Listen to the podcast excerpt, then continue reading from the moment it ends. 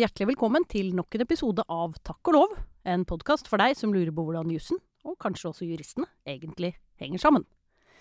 I dag skal vi snakke om eh, et hett tema, får man si, nemlig ytringsfrihet. Eh, og ikke en hvilken som helst variant av den.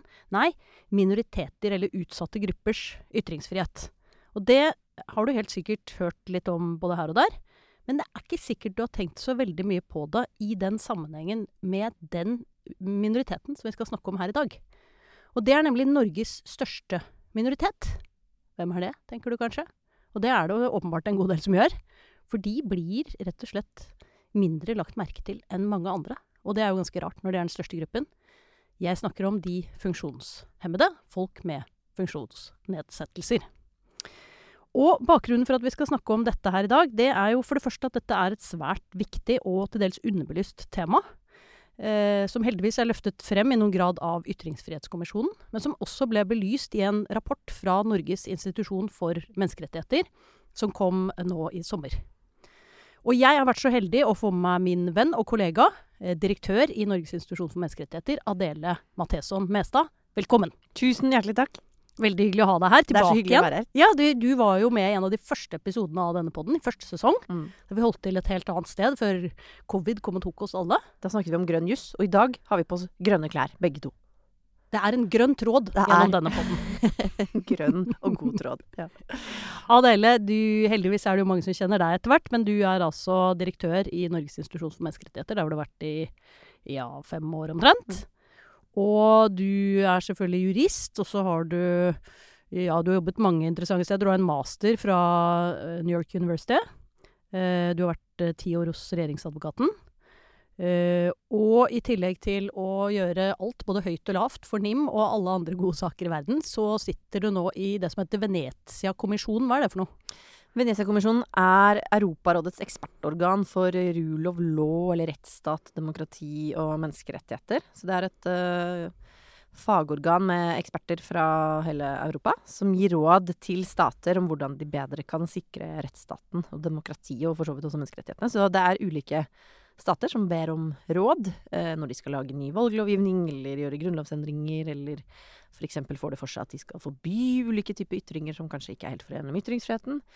Så kommer da eksperter fra denne kommisjonen reisende til landet og lager en uttalelse med gode råd om hvordan de bedre kan ivareta grunnleggende rettsstatsprinsipper. Da. Og det er et utrolig fint organ som man kanskje ikke kjenner så godt til, men som jobber veldig sånn konstruktivt og konkret. Og det syns jeg er veldig fint, fordi veldig ofte når man snakker om demokrati og menneskerettigheter, så er det litt sånn høytsvevende idealer. Men Krig og fred og religion og politikk og sånn, liksom? Litt sånn. Ja. Men når man sitter der, så skjønner man hvor konkret, eh, konkret og faglige spørsmål det egentlig er. Hvordan skal et eh, domstolsorgan se ut? Hvordan skal en valglov se ut? For at ikke farene for at måte, det autoritære skal få vokse innenfor de systemene, skal bli størst. Da. Hvordan fordeler man makt på en sånn måte at man kan ivareta liksom, grunnleggende makt, maktfordelingsprinsipper best mulig og sikrest mulig? Hvordan lager man best mulig bolverk mot den autoritære utviklingen man ser i veldig mange land? Og det er veldig bra, bra organ, men det er også veldig bra for fordi mm, det er såpass håndfast. Eh, og der sitter også den eminente Eirik Holmevik, da, som er Norges eh, hovedmedlem. Og så får jeg gleden av å være hans møtende varamedlem, eh, og det er et utrolig spennende oppdrag. Vår gode kollega fra Norges egentlige hovedstad. Eller fra menneskerettighetsbyen Bergen, da, kan vi i hvert fall si. Det kan vi også si. Ja. Helt riktig. Eh, ja, og alle mm, som nå var noe som helst i tvil om du brenner for ditt fag, de kan legge den tvilen til side nå. Eh, eh, alle dere juss 2111-studenter, eh, grunn til å titte på rapportene fra Venezia-kommisjonen. Der får man mye bra input om eh, rettsstat og maktfordeling. Ta eksempel en liten kikk på Rule of Law checklist. Hvis du lurer på hva du må sjekke av for å få en rettsstat, så kan du se på Venezia-kommisjonens Rule of Law checklist. Det er veldig spennende. Veldig bra. Du, uh, Adele, vi skal jo introdusere deg med en fun fact. Nå har du allerede avskrekket deg selv, holdt jeg på å si, eller oss. Vi blir ikke lenger avskrekket av deg, fordi du virker så engasjert og menneskelig og morsom, og det er du. Men uh, vi måtte jo lete opp et fun fact uh, også om deg, og et av de innspillene vi har fått, det er jo at ja, du er jo spesiell på mange måter og har gjort mye spennende. Det er jo ikke alle som drar på jordomseiling når de er verdens mest sjøsyke menneske. Nei. Jeg tror det sier litt om at jeg ikke er sånn veldig høy på planmessighet alltid. Fordi jeg vet jo at jeg er forferdelig sjøsyk, og planla likevel en eh, to måneders seiltur i Stillehavet for å lage barne-TV som heter Flaskepost fra Stillehavet. Og da er det jo det å si om Stillehavet at det er veldig Det er ikke så stille. Det er ikke så stille. Nei. Det er litt sånn feil beskrivelse av det havet, egentlig. Viser at det var masse bølger også i det For det var derfor For dere valgte Stillehavet, Stillehavet. Stillehavet i anførselstegn. Ikke særlig stille. Det er ikke særlig stille Men det havet. det gjorde, var jo vel antageligvis at du ble stille. Jeg ble stille, lå i fosterstilling i ca. tre uker, før min kjære mann til slutt så ned på meg og sa nå, min venn, skal vi gå av. Så da gikk vi av båten i Honiara, som hvis noen lurer er hovedstaden på Solomon Islands. Og så reiste vi på lands en stund, og det kan jeg si var veldig deilig. å da befinne seg på landjorden igjen. Ja, og nå, det tar noen dager før det slutter å gynge, men så går det bra. Ja, og Ja. så, men etter det så kan jeg også si til alle andre sjøsyker der ute som har min hjerteligste medfølelse, at nå finnes det plastre man kan ta bak øret. Så hvis man er veldig glad i å seile og veldig lite sjøsterk, så kan det anbefales. Depotplastre som tar vekk alle sjøsyke. Akkurat. En rev bak øret. Ja. Um, vi må over til dagens uh, tema, Adele. Eh, funksjonshemmedes ytringsfrihet. Kan du eh, kort rekapitulere eh, hovedfunnene i den rapporten som eh, NIM, Norges institusjon for menneskerettigheter, eh, laget om dette temaet?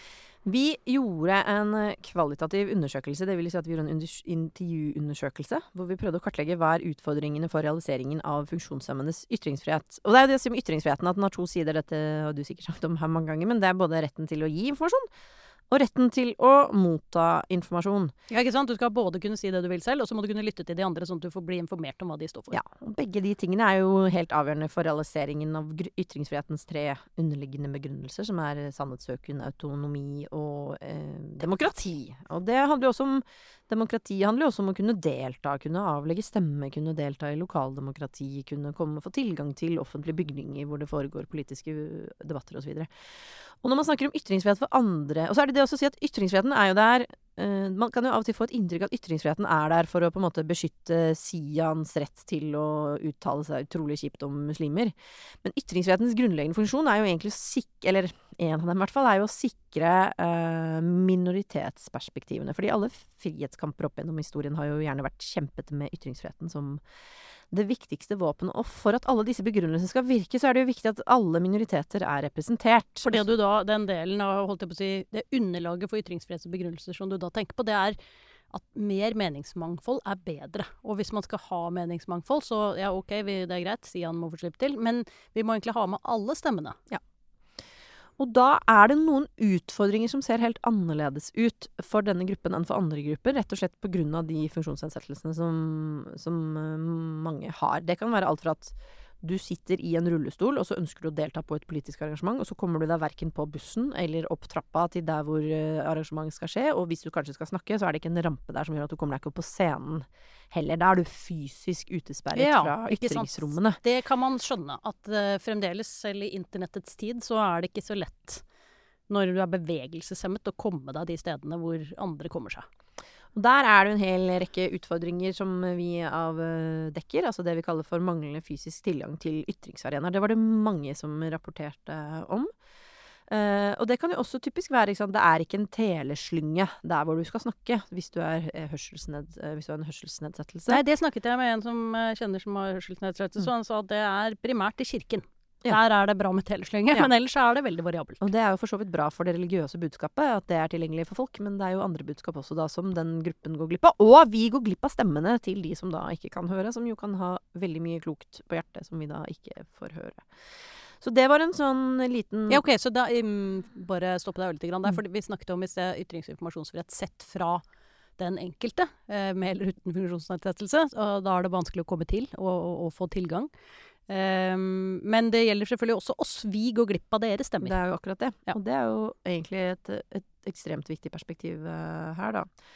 Ja, for det gjør jo Um, at dette blir litt vedvarende, egentlig. Kanskje det er derfor vi hører så lite Eller vi glemmer å tenke på det. Mm. Fordi vi nettopp blir fratatt de stemmene. Det er jo akkurat det. Og da blir ikke det problemet aktualisert. Det er jo en sånn selvforsterkende ond sirkel, egentlig. Eller en vedvarende vond sirkel. Den andre utfordringen vi peker på, er dette med, som er litt i forlengelse av dette, kanskje, men manglende tilgang på informasjon. Eh, selv om den digitale utviklingen jo har gjort en god del deltakelse for folk med funksjonsnedsettelser enklere, fordi man ofte f.eks. kan delta fra sitt eget hjem eh, digitalt, så er det fortsatt veldig mange utfordringer knyttet til manglende universell utforming av nettsider, eh, lesere, apper, podkaster. Ja, det kan ikke være Det slo meg plutselig. Det kan ikke være så lett å være på nett hvis du ser dårlig. Det er det. Og hvis da veldig mange ting som før har vært basert på møter eller andre typer interaksjoner, blir digitale, og de digitale ressursene ikke er tilgjengelige, så hjelper jo ikke den digitaliseringen.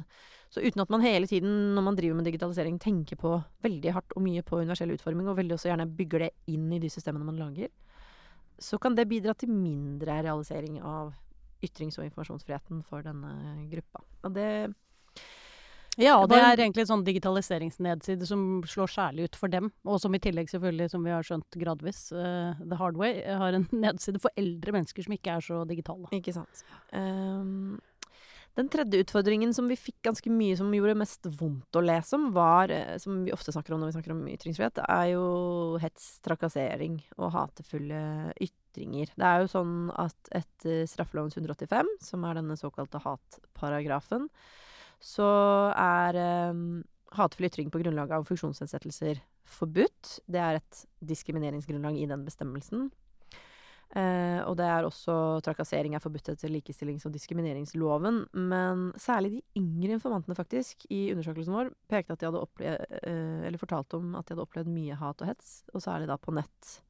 Og det var stygge eksempler. Ordentlig stygge eksempler. eh, jo- Når funksjonsnedsettelsen er synlig. Og det gjør jo at veldig mange da igjen betakker seg fra å delta, og så mister vi Stemmer, ja. deres uh, Men eh, du meg på dette, for nå eh, Bare tenk på den 185, da, som vi jo diskuterer i mange sammenhenger om dagen. Den Det har vært et vernet grunnlag siden kanskje 2005-ish. Mm. Ja. Er det noe særlig rettspraksis om uh, hets, trakassering eller hatefulle ytringer på det grunnlaget? Det har vel vært én sak, tror jeg. Er ikke det riktig? Én sak Ja. i i lavere instanser et eller annet sted, for det er ikke noe høyesterettssak. Nei. Nei. Eh, den gikk til lagmannsretten. Dette burde jeg selvfølgelig kunnet gitt et helt nei, svar det- på. Men, det- eh, men ja. Um, samtidig som politiet vel har varslet at de ønsker å en høyere bevissthet knyttet til, eh, til dette. Og det tenker jeg er veldig viktig, fordi de, ja, de eksemplene vi fikk da i de intervjuene vi gjorde, var ganske stygge, rett og slett. Eh, og så er det en fjerde utfordring, som også heller ikke er så vanlig når man snakker om utfordringer på ytringsfrihetsfeltet, egentlig. Det er det man kaller om selvsensur og frykten for represalier. Eh, fordi Grunnloven og EMK verner også forhold som gir en nedkjølende effekt på folks øh, ytringer. Og så er det det med at personer med funksjonsnedsettelser, de opplyser at de av og til kan være redde for å fremme kritikk, f.eks. klage på vedtak, eller være kritisk til noen av tjenesteyterne sine. Fordi det kan være krevende å da risikere at det Ja. påvirker de ytelsene man ellers får. For du er mer får. avhengig av andre mennesker. Du er mye mer avhengig av andre mennesker, og da blir du redd for å bli oppfatta som vanskelig. Ikke sant? Sånn at den For det, det der er jo noe vi kjenner igjen fra andre ytringsutfordringer også, eller for andre grupper. Det er jo akkurat det at du, du sensurerer deg selv av frykt for en eller annen reaksjon. Mm. Og den reaksjonen kan jo være kjip nok, liksom at bare noen er dønn uenig med deg, så kan jo det være ganske ubehagelig. Men her er kanskje den frykten ehm, ja, hva skal vi si? Grunnlag Jeg vet ikke hvor øh, og Jeg håper jo ikke det er sånn, men det er i hvert fall nærliggende å tenke seg at den frykten er enda større på en måte, da. Hvis du er avhengig av mennesker rundt deg. Dette har vært påpekt av organisasjonene en stund, og så har man ikke hatt veldig god empiri på det. Det men det ble også påpekt da i den kvalitative undersøkelsen vi gjennomførte. Og det har jo egentlig side til varslingsinstituttet også, ikke sant. Det er en grunn til at man gir eh, varslere på en arbeidsplass et særskilt vern, fordi man er redd for nedkjølingseffekten. Ja, for represalier. ved- fordi represalier ellers vil kunne være en veldig effektiv måte å stoppe de ytringene som kan ha Ja, ja. en viktig verdi. Og dette er jo da på individnivå egentlig det samme, tror jeg. Um, at um, Det er interessant. det å Det er noen Det er jo rett og slett bare vanskeligere å være vanskelig i denne posisjonen. Fordi man er så avhengig Det var en veldig god ja. Det Og- tror jeg og det ja. er jo også en del av ytringsfriheten, egentlig. Retten til å være skikkelig ikke vanskelig, men bare påpeke hva man mener at man skal Jo, jo, men bli opplevd som vanskelig, da. Mm. Som jo folk som sier noe annet enn det andre har lyst til å høre, ofte blir. Det er noe med det. Eh, så var det en del som eh, pratet om dette med barriere for deltakelse i politiske og offentlige liv. Dette er jo en rettighet som er særlig beskyttet av CRPD, da, som er konvensjonen for personer med nedsatt eh, funksjonsevne, artikkel 29. Den må vi, vi må komme tilbake til selve konvensjonen Ja, etterpå, men få høre om det. Er det sånn Litt sånn à la det du snakket om i sted, at det mangler en rampe, så plutselig må noen løfte deg opp på et Ja. podium, og da blir kanskje den verdigheten du gjerne vil ha, og autoriteten du gjerne vil ha som politiker svekket. eller Mer opplevd krevende. Og så er det jo også politisk Eller etter den samme konvensjonen så har man jo egne regler om medvirkning fra denne gruppen, nettopp for å sikre den minoritetsrepresentasjonen inn i politiske organer. Og det har man jo i kommunene, men at man ofte ikke opplever å bli lyttet ordentlig til, da. At det er mer sånn litt sånn sugarcoating av beslutninger. At man sier at man lytter, og så lytter man ikke egentlig Ja. til de innspillene man, eh, man får. Um, men der var det faktisk en litt god nyhet, da. At eh, funksjonshemmede er like og til dels mer politisk aktive sammenlignet med majoritetsbefolkningen i enkelte sammenhenger. Selv om de er underrepresentert i folkevalgte organer. Så der var det en litt, sånn, eh, litt eh, lyspunkt i blant de negative funnene man gjerne At de er dobbelt underrepresentert, Da de er mer engasjert, men mindre representert. Ja, det kan man, Ja. også, det kan man selvfølgelig også si.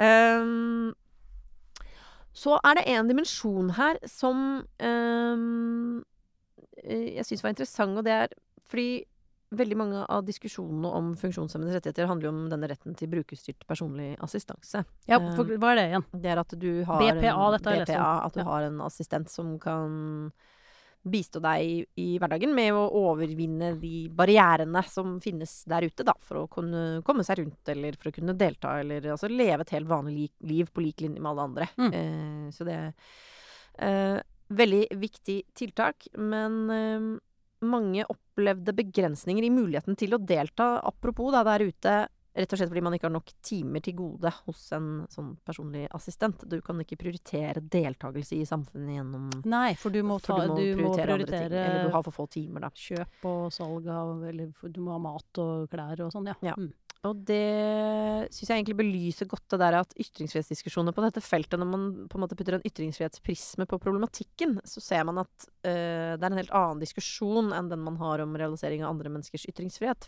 Fordi det er noen barrierer der som er helt særegne. Og derfor finnes det jo også en hel rekke menneskerettighetsbestemmelser som handler om dette, ikke sant. Eh, Retten til Ja, nå må vi komme til jussen. For Ja, du, du nevnte jussen, CRPD, som vi kan komme tilbake til. Men det Ja. er kanskje enda flere også. Nei, Um, Eller er det de den? siste syvende og åttende utfordringene Vi peker på åtte utfordringer her. Um, og de handler om til dels om mediebildet mer i bredt, egentlig. Altså stigmatisering, usynliggjøring, og veldig ofte sånn at man ikke egentlig er en deltaker på linje med andre, men at de gangene man blir invitert til å delta, så er det som representant for en gruppe, på en måte, som ofte er helt meningsløst. Altså, ja, og hvis man prøver å delta på lik linje med andre, så kommer det noen og sier at du kan ikke danse hvis du sitter i rullestol. Ja. Det er jo ikke så stilig. Nei, det er ikke så innmari stilig. Og derfor er jo denne konvensjonen, CRPD-sannheten, Konvensjonen for personer med nedsatt funksjonsevne, så utrolig viktig. Fordi hovedpoenget med den er at den skal bidra til at man flytter seg fra et sånt helseperspektiv. Sånn Stakkars deg, du har en type sykdom deg er det litt synd på, til å tenke på dette i et eh, likestillingsperspektiv og et menneskerettighetsperspektiv. At alle mennesker er eh, har like rettigheter og rett, lik rett til å delta på lik linje med hverandre, og at det er noen samfunnsskapte barrierer som vi som samfunn må bidra Ja, til å fjerne. ikke sant. Sykdommen er ikke hos det enkelte individ, men, men hos samfunnet, som Ja. ikke er tilpasset dette her. Og det kan man veldig godt forstå, fordi det er det veldig mange av organisasjonene ofte snakker om, og enkeltpersoner gjerne snakker om, at den derre den stakkarsliggjøringen, den er man jo ikke ute etter i det hele tatt. Man vil jo på en måte bare leve livet sitt på Ja. lik linje med alle andre mennesker. Jeg tror at hvis du virkelig prøver å gjøre den tankeøvelsen, hva det vil si at, at man ellers får en følelse av at det ligger hos deg. Nå er det du som er Ja, litt du en byrde, vanskelig. du. Nå er du en byrde. Ja. Her skal du komme og begynne å be om Og så er det Plage oss med dette igjen, ja, ikke liksom. sant. Uh, her skal det, det tekstes også nå. Dette blir jo litt slitsomt for oss, for da må vi bruke ressurser på det, ikke sant. Ja. Det, den grunntanken om at det må ligge som et samfunnsansvar, det er jo det som er grunntanken i denne konvensjonen, som okay, er den konvensjonen, eh, vi har ratifisert den i Norge. Mhm. Ehm, det betyr at vi er folkerettslig forpliktet etter den. Ja, så den Men- er folkerettslig bindende for Norge. Men det er jo sånn med, med traktater og konvensjoner at vi kan være folkerettslig bundet uten at de virker internt i norsk rett. Ja, eller da gir jo det som heter presumsjonsprinsippet, da, i og med at den ikke da er inkorporert. Ja, for den er ikke det, ikke sant? Den er ikke innført i norsk eh, rett, Nei. eh, sånn som de aller fleste andre Så den gjelder der er. ute, og så er det det presumsjonsprinsippet som du Ja, sier, som det- er da det blir tror vi at det er overensstemmelse. overensstemmelse. Vi håper det, at Ja. det er en overensstemmelse. Men hvis det, er klar krasj mellom en norsk regel og en CRPD-regel, da så går norsk rett foran. Og Ja. det har skjedd i Høyesterett en gang, at Høyesterett sier her er det en klar krasj. Her går den norske regelen foran. Og det er jo da etter at vi har forsøkt å, eller skal i hvert fall forsøke da, motfortolke motstrid. Fordi når vi inkorporerte den, nei, når vi ratifiserte Det er to veldig vanskelige ord, det der. Ratifisere og inkorporere. Skrev under ute i folkeretten. Ja, Ja. Skrev under der ute, så sa vi vi forutsetter at denne konvensjonen er i tråd med norsk rett. Eller at norsk rett er i tråd med Eller at konvensjonen. norsk rett er i tråd med Men det sa vi da vi skrev under eh, MK også i sin tid. Vi gjorde det. Ja. Og så er det jo selvfølgelig hva er det konkrete innholdet i den konvensjonen. Det må man jo liksom lufte og drøfte i hver enkelt sammenheng, da. Og så er det noen områder hvor det har vært litt mer krevende, tror jeg, enn andre. Men veldig mye av eh, formuleringene i CRPD er jo Veldig mye av dem handler om eh, den type deltakelse på lik linje. Og så har man en egen ytringsfrihetsbestemmelse som også tar inn over seg liksom disse barrierene vi har snakket litt om. At staten også da har plikter til å tilrettelegge gjennom eh, gjennom teksting, gjennom bruk av eh, eh, sånn eh, skrift, og gjennom annen type tilrettelegging. Så ytringsfrihetsbestemmelsen i CRPD den er mye mer spesifikk. Ja. Det er jo ofte sånn i disse Og dette er en sånn av de typer rettighetene som egentlig Hvis vi skal lage et helt grovt hovedskille mellom typer rettigheter, så er det noen som eh, sier noe om hva staten ikke skal gjøre, Mm. og så er det noen som sier noe om hva staten skal gjøre. Mm. Og de som sier mye om hva staten skal gjøre, de eh, koster ofte mer penger. Mm. Så derfor sier staten ah, vent nå litt, jeg vil gjerne se bra ut ute i verden, så jeg ratifiserer denne konvensjonen, men jeg vil helst ikke ta det helt på alvor her hjemme, for det blir så dyrt. Det blir veldig dyrt, nei. Nei. Er det derfor vi ikke har inkorporert den? Jeg tror at grunnen til det er at man var litt uh, usikre på konvensjonens rekkevidde. Så tror jeg litt av grunnen er at det er jo en komité som tolker noen av disse konvensjonsbestemmelsene, og som norsk, nok norske myndigheter har ment har vært uh, litt langt fremme i skoene på noen områder. Det har særlig Og gjaldt så sånn langt fremme i skoene, da er vi over på den derre eh, utrolig knusktørr faglighet i den ene enden, gjerne i form av en domstol, Mm. til eh, veldig progressive komitémedlemmer eh, i mindre bindende, men eh, for så vidt sånn policy-drivende retning. Ja, som prøver å drive et felt eh, fremover. Og det er det jo noen da som veldig fort vil kalle eller bruke et stempel som jeg er veldig lite glad i, nemlig aktiviststempel om, da. Det syns Ja. jeg er utrolig Jeg syns jo dårlig. pasifiststempelet, som er det motsatte, viser at det er et ganske dårlig stempel. Ja. ja. Ehm, så den diskusjonen har rullet og gått i veldig mange år. Nå har heldigvis regjeringen både i Hurdal-plattformen og seinere gått ut og sagt at de skal innføre denne konvensjonen i norsk rett. Uh, de skal nå utrede hvordan denne skal innføres. Det er ikke lenger et spørsmål om om man skal det, men at man skal det. Det er Hvor mange ganger har man utredet det nå? Eller Nei, bedt det om har det, jo eller vært lurt på det? noen utredninger av dette tidligere, men nå er det jo liksom første gang at i hvert fall myndighetene skal nedsette et faglig utvalg som skal se nærmere på dette, og da antagelig også kartlegge på hvilke områder er det dette eventuelt butter mot norsk rett, da, og hvordan kan man overkomme eventuell motstrid på noen områder. Men det er jo for så vidt en samvittighetsfull tilnærming, hvis man gjør Hvis det man på ordentlig. Hvis man først må gjøre det ordentlig. Ja. Det er jeg helt eh, enig i. Og da er jo diskusjonen nå er skal den da inkorporeres med forrang eh, i menneskerettighetsloven, hvor de andre menneskerettighetskonvensjonene bor, eller skal den inn et annet sted, f.eks. i diskrimineringslovgivningen, hvor den da ikke gis forrang. Ja, for da bare rekapitulere det. Vi har en egen menneskerettighetslov som inkorporerer en del konvensjoner. Og de som er inkorporert der, der er det en egen bestemmelse som sier at hvis det er krasj mellom norsk rett og, og folkerettslige eller menneskerettslige regler, så går de menneskerettslige reglene foran. Og denne, dette har vært egentlig, hva skal man si, et kjernepunkt i diskusjonen om ivaretakelse av konvensjonshemmedes rettigheter over lang tid. Og det tror jeg også bygger på en sånn grunnleggende frustrasjon over den signaleffekten det sender at disse menneskerettighetene til den gruppen som jeg tenker kanskje er blant de mest diskriminerte i utgangspunktet, Og den største! og Jeg den blir liksom litt provosert av det òg, sånn Ja. i et demokratisk perspektiv. ja, skal deres menneskerettigheter skal på en måte ivaretas på et lavere nivå enn andres menneskerettigheter, når vi allerede er en diskriminert gruppe. Altså, vi altså det er, det er eh, et eh, problematisk signal, vil jeg si. Ja, og kanskje særlig overfor en gruppe hvor I hvert fall mitt inntrykk, da, som eh, granted, jeg har ikke vært tett på dette her, men i den grad man prøver å lese seg opp bakover på dette, så er det jo sånn hva som har vært lovet, og handlingsplan, tiltakssted, bla, bla, bla, bla, bla. Veldig mange år. Mm. Oppmerksomhet omkring denne problemstillingen, uten at det virker som det blir så mye resultater. Det er det.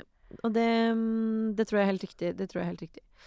Så at vi nå får tatt et skritt videre på dette feltet, tror jeg er ekstremt viktig. Jeg tror ikke man kan, ikke man kan overspille hvor viktig det er, og jeg håper at det lande godt. Og jeg håper jo også at denne ytringsfrihetsdimensjonen da blir trukket frem. fordi det vi også har hørt fra ledende, eller hva skal man si, fra politikere som uttaler seg om ytringsfrihet i Norge, er at dette ikke er egentlig menneskerettigheter, som er en veldig rar påstand. Men, eh, men det har nok vært en oppfatning også at uh, dette liksom er en konvensjon som ikke er like viktig som andre konvensjoner. Eller, hvem, hva, hva, hvem, hva, slags uh, resonnement er det som ligger bak det, at dette ikke er egentlig menneskerettigheter? Er det tanken om at egentlig menneskerettigheter er negative rettigheter som sier noe om hva staten ikke skal gripe inn i? Jeg tror det at folk veldig ofte tenker at det er f.eks. ytringsfriheten, da, som egentlig bare handler om å backe off. Men det er også en, egentlig en helt håpløs påstand, fordi, og også ut fra det du sa i stad ja, historisk. Altså, retten til en rettferdig rettergang eh, er jo relativt sentral i liberale rettsstat. Det koster ganske mye koster penger. Sier noe om hva staten må gjøre.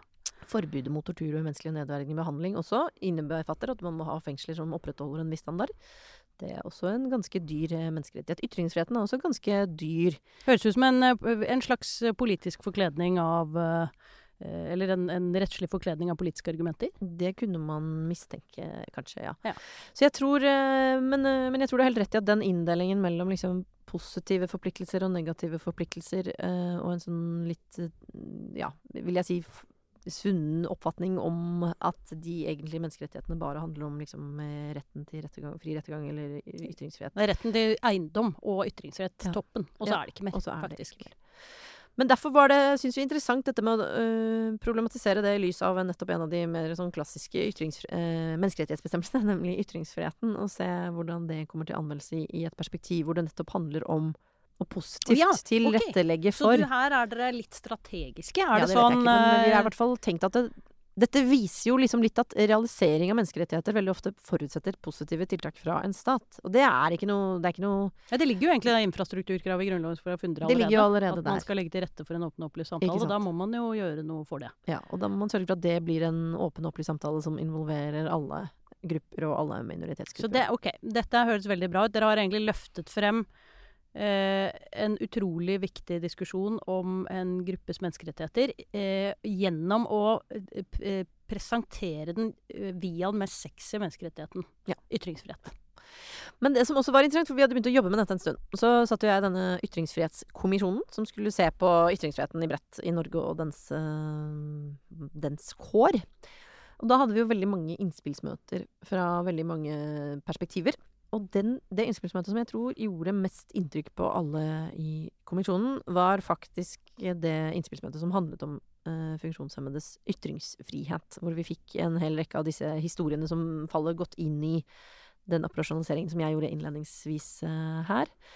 Uh, og det skriver egentlig kommisjonen ganske mye om. Ikke sant? At f.eks. Universell utforming er jo ivaretagelse av en helt grunnleggende menneskerettighet, nemlig ytringsfriheten. Fordi uten det så er det en stor gruppe. Den største minoriteten vi har, holdes mm. utenfor. Um, så det var litt interessant. Her var det liksom flere ting som skjedde parallelt, men det traff oss nok uh, alle ganske sånn parallelt forståelsen av at her er det mye som gjenstår. Uh, her, her, er det, her, er det, mange tiltak som må til da, for at vi skal nå uh, det nivået vi bør være på. Kommisjonen har jo jobbet godt med dette her, og det fikk kanskje litt ekstra drahjelp i starten der da da den statsråden som nedsatte kommisjonen, var veldig opptatt av å ha nedsatt den mest mangfoldige og brede sammensatte kommisjonen som var. Mm. Og det eneste som manglet, det var den minoriteten vi her snakker om. Mm. Så da supplerte dere dere selv med en representant for den gruppen, og det var jo veldig bra. Men ja, det er jo en ganske nye statsråden supplerte faktisk. Altså ja. Trettebergstuen satte, satte inn et nytt medlem. Ja, og det Jeg tenker bare at det er en ganske god illustrasjon da, av den usynliggjøringen og marginaliseringen mm. denne gruppen opplever. Mm. At man selv, når man tenker så hardt man kan på mangfold, så er den lett å overse. Vi mm. må gå inn for landing av det. Eller Dette er jo et utrolig viktig og interessant eh, tema som vi kunne snakket Og jeg tror kanskje vi må snakke videre om i en eller annen sammenheng også.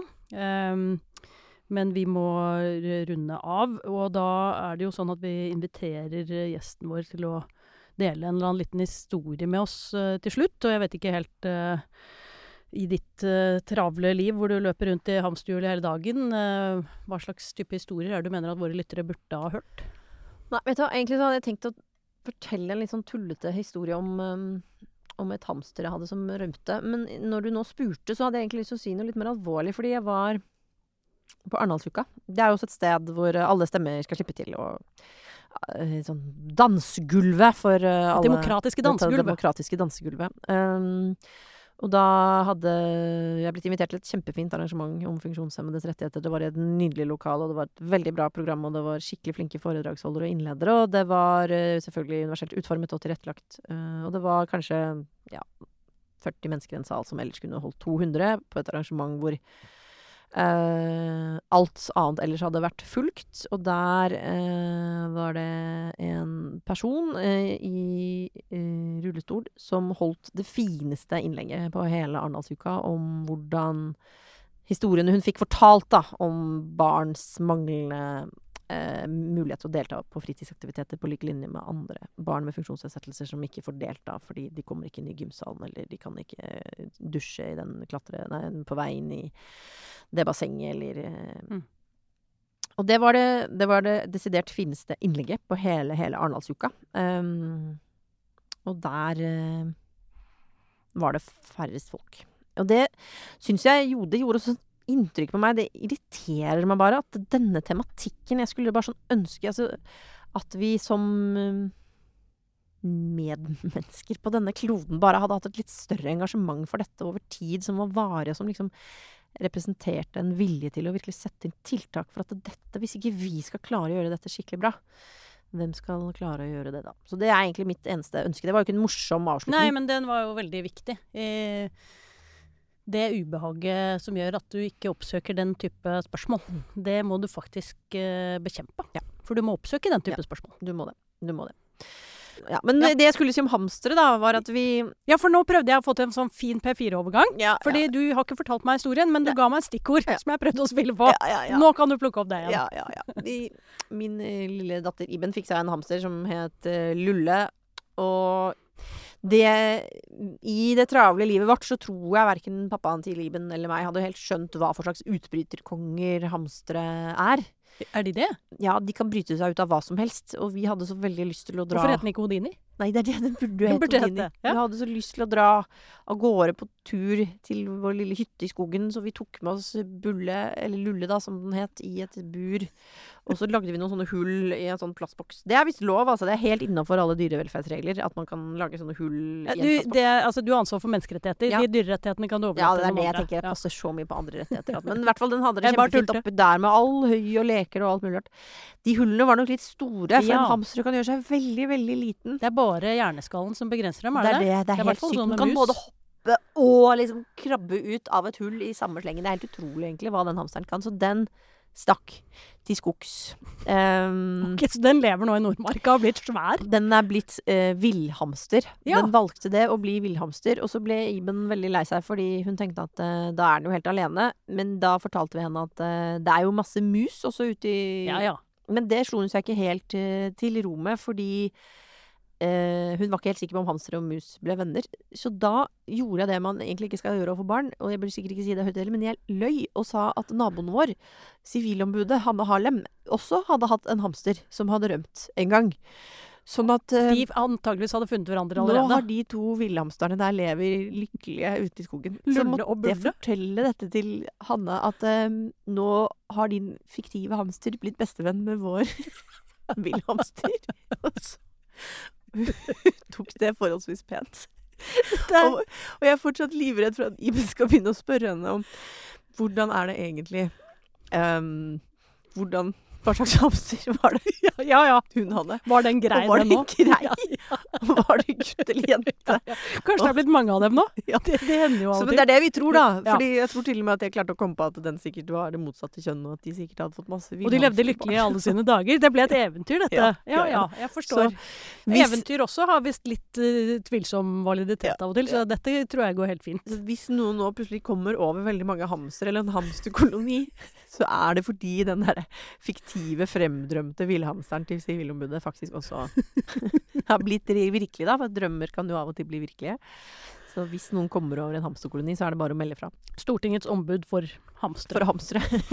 Dette er veldig betryggende, Adele, at uh, Stortingets underlagte organer uh, ja, driver med denne type ting. Og jeg kan da som jeger si at det er uh, foreløpig ikke jakt, tror jeg, på, på hamstere i Nordmarka. Nei, nei. Så de lever antageligvis ganske trygt. dette er kanskje en annen fun fact som ikke er så bra, forresten, men jeg har en gang spist Det var ikke det. Hams, marsvin. Jeg har spist Ja. et marsvin. Uh, Ikke si det til barna dine. nei, jo men- det er ingen av disse tingene må barna høre. Nei, Men i eh, Det hører ikke så mye på podkast, Tove. Nei, jeg håper ikke. I Ecuador så griller de faktisk uh, guinea pigs eh, og spiser dem. Det smaker som det beste ting smaker som kylling.